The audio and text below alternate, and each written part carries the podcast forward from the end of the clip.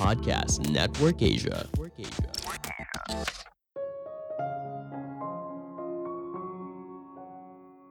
Posting sederhana di media sosial bisa berpotensi menjadi bahan penipuan.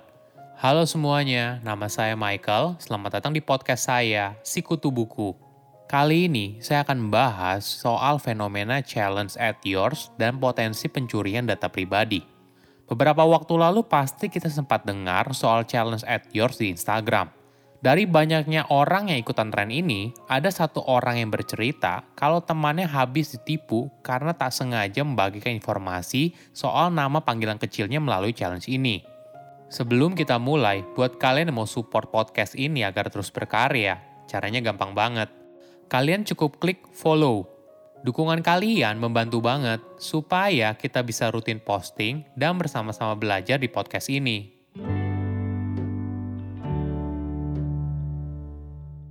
Pada bulan Oktober lalu, Instagram memperkenalkan stiker at yours untuk membuat utas publik di stories. Fitur baru ini pada dasarnya memungkinkan pengguna untuk menanggapi stories pengguna lain dengan story mereka sendiri dan mengikuti topik tertentu. Misalnya pengguna dapat memposting story soal OOTD hari ini, lalu meminta follower mereka untuk menambahkannya dengan story mereka sendiri melalui stiker. Di tahap awal, uji coba akan dilakukan di Indonesia dan Jepang. Boleh dibilang, fitur baru ini mirip dengan fitur duet di TikTok yang mengizinkan pengguna membuat konten original dari video orang lain. Menariknya lagi, respon dari para pengguna lainnya akan dikumpulkan jadi satu dan dapat dilihat dengan mengetuk stiker tersebut. Namun fitur ini ternyata berkembang menjadi permintaan beberapa informasi yang sensitif, misalnya tanggal lahir, nama panggilan, nama ibu dan ayah, dan sebagainya. Ada sebuah kisah yang viral di Twitter di mana dia bercerita soal temannya yang baru saja ditipu. Penipu tersebut meminta sejumlah uang untuk ditransfer, yang membuat temannya percaya karena si penipu menggunakan nama panggilan kecil yang hanya diketahui oleh teman dekatnya saja. Temannya baru sadar kalau penipu tersebut bisa tahu nama panggilan kecilnya setelah dia mengikuti challenge at yours. Dari kisah ini, ada beberapa hal yang harus kamu pahami. Tidak semua informasi layak dibagikan ke media sosial, setiap posting di media sosial mungkin berisi data yang bisa digunakan sebagai materi untuk melakukan social engineering. Misalnya foto selfie kamu dengan seluruh anggota tim setelah presentasi bisnis. Mungkin bisa terlihat dokumen penting di meja tersebut. Atau mungkin hal yang tidak kita duga, misalnya kamu mengucapkan selamat kepada rekan kerja atas promosinya. Informasi ini mungkin kelihatannya tidak berbahaya, namun ketika digabungkan dengan berbagai informasi lain, hal ini jadi informasi yang berharga bagi si penjahat. Walaupun followers kamu misalnya hanya berisi teman yang kamu kenal, informasi tersebut masih ada kemungkinan tersebar ke pihak yang tidak bertanggung jawab. Apalagi informasi yang sifatnya pribadi, seperti nama, nomor identitas, alamat, data biometrik, dan sebagainya, tentu saja harus kita simpan dengan baik dan jangan dibagikan ke publik. Social engineering atau rekayasa sosial adalah sebuah teknik yang memanipulasi seseorang sehingga mereka bersedia memberikan informasi rahasia, mulai dari kata sandi hingga data perbankan.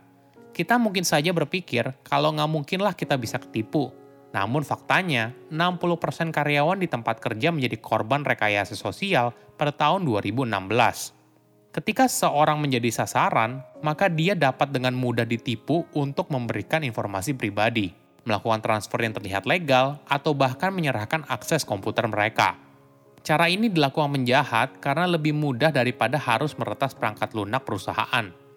Jika dilihat dari sejarahnya, konsep social engineering sebagai ancaman bagi keamanan digital dimulai pada tahun 1990-an saat seorang hacker bernama Kevin Mitnick berhasil mendapatkan kode program Motorola.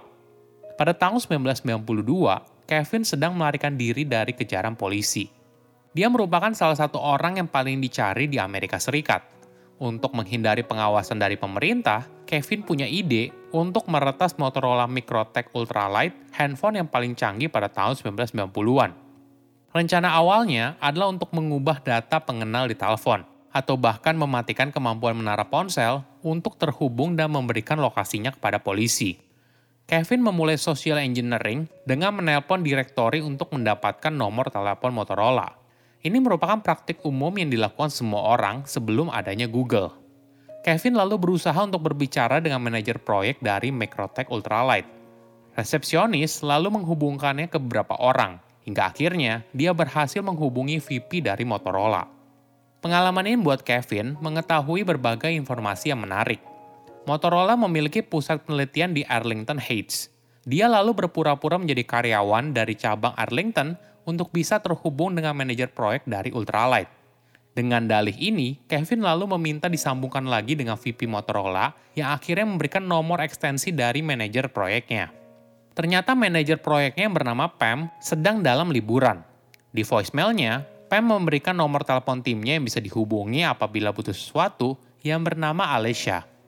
Kevin lalu menghubungi Alicia dan berusaha menciptakan kesan kalau dia dan Pam sudah kenal sebelumnya.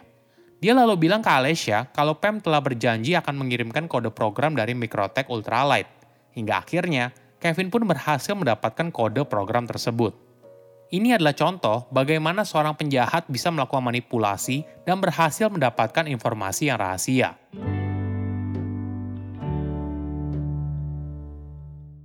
Cara social engineering di media sosial dapat terjadi karena dua hal. Pertama, serangan cyber yang dilakukan di akun media sosialmu. Kedua, ada informasi yang kamu bagikan di media sosial lalu digunakan untuk menipu kamu atau orang lain yang kamu kenal.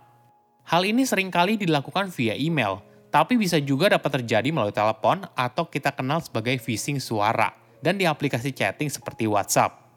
Bagaimana cara menghindari penipuan di era digital? Pertama, pijak dalam posting di internet.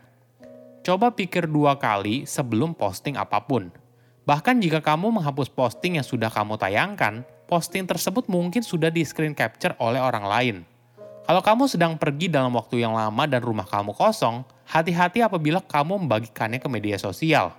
Kalau bisa, coba ubah pengaturan privasi sehingga postingan kamu hanya bisa dilihat oleh segelintir orang yang kamu percayai, tidak bisa dilihat oleh semua orang. Kedua, jangan klik link yang tidak kamu kenal. Penipu bisa saja berpura-pura mengirim email sebagai orang yang kamu kenal, tapi ternyata alamat emailnya palsu. Coba cek ejaannya. Kadang beda titik atau huruf saja bisa menjadi potensi kamu untuk ditipu. Ketiga, jangan panik. Penipu biasanya berusaha untuk menciptakan perasaan mendesak sehingga kamu diminta segera mungkin untuk transfer uang, memberikan data tertentu, dan sebagainya. Ini adalah cara penjahat untuk menipu korbannya sehingga mereka tidak bisa berpikir secara rasional dan tidak bisa mengecek kebenarannya. Keempat, coba cek lagi informasi yang kamu bagikan ke internet. Kadang kita suka membagikan banyak hal di internet, misalnya nama hewan peliharaan, nama orang tua. Informasi ini kadang berbahaya karena bisa digunakan pencuri untuk mengakses data yang kamu miliki. Intinya kamu tidak perlu takut, yang penting kamu harus hati-hati. Setiap orang bisa saja jadi korban penipuan apabila kamu tidak waspada dan secara sembrono membagikan data pribadi ke internet. Saya undur diri, jangan lupa follow podcast Sikutu Buku. Bye-bye. Pandangan dan opini yang disampaikan oleh kreator podcast, host, dan tamu tidak mencerminkan kebijakan resmi dan bagian dari podcast Network Asia. Setiap konten yang disampaikan mereka di dalam podcast adalah opini mereka sendiri dan tidak bermaksud untuk merugikan agama, grup etnik, perkumpulan, organisasi, perusahaan, perorangan, atau siapa pun dan apa pun.